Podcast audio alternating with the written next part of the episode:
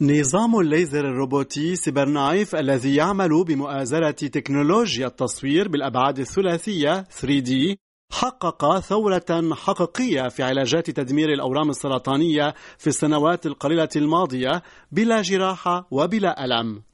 وها هو الآن يشق طريقا له في مجال المعالجة الخارجية لمشاكل تسرع نبضات القلب. دون الحاجة هذه المرة إلى عملية القسطرة لإجراء المعالجة بالموجات الراديوية عالية التردد radio frequency. معي في مقابلة اليوم الدكتور مازن اللجمي طبيب أمراض القلب والأوعية الدموية في فرنسا. دكتور مازن اللجمي هل أحدث ليزر ال CyberKnife نقلة نوعية في علاج مشاكل تسرع القلب البطيني ولماذا؟ لا شك أن استعمال الليزر في استئصال بؤر التسرع البطيني قد أحدث قفزة نوعية عالية في مجال الطب هذه الوسيلة تساهم في الحصول على نتائج عالية الدقة وتساعد الطبيب بشكل أساسي في الحصول على نتائج أفضل مع مضاعفات أقل ووقت أقصر في إجراء العملية دكتور مازن اللجمي هل تكفي جلسة واحدة من أشعة ال X-ray الصادرة عن الجهاز الروبوتي CyberKnife لمعالجة تسرع القلب البطيني؟ ولمن هي موجهة هذه العملية اللطيفة؟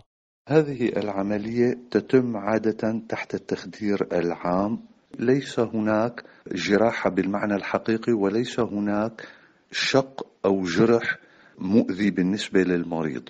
آه، هذه العملية موجهة بشكل أساسي للمرضى الذين يعانون من نوب تسرع قلب بطيني وهي حالات قد تكون شديدة الخطورة وتعرض حياة المريض للخطر والتي تكون معندة على العلاج الدوائي. نجاح هذه العملية يكون بنسب عالية لكن يبقى هناك احتمال لحدوث نكس قد يضطر الطبيب لإعادة العملية للمرة الثانية في حوالي 30% من الحالات. ختاما أتقدم بالشكر من الدكتور مازن اللجمي. وألفت إلى أن مدة التداخل الطبي بليزر ال CyberKnife على المصابين بنوبات تسرع القلب البطيني تستغرق 30 دقيقة إلى 90 دقيقة. استفاد من الليزر CyberKnife في المستشفى الجامعي لمدينة ليل ثمانية مرضى. ستة منهم اختفت نوبات تسرع القلب البطيني لديهم وتدنت النوبات هذه لدى الاثنين المتبقيين بشكل كبير. النتائج الفرنسية هذا تتلاقى مع المكاسب العلاجية التي حققها الليزر CyberKnife في مدينة سان لوي الأمريكية حيث قام الفريق الأمريكي الرائد في هذا المجال بتطبيب 19 مريضا يعاني من نوبات تسارع نبضات القلب المتكررة.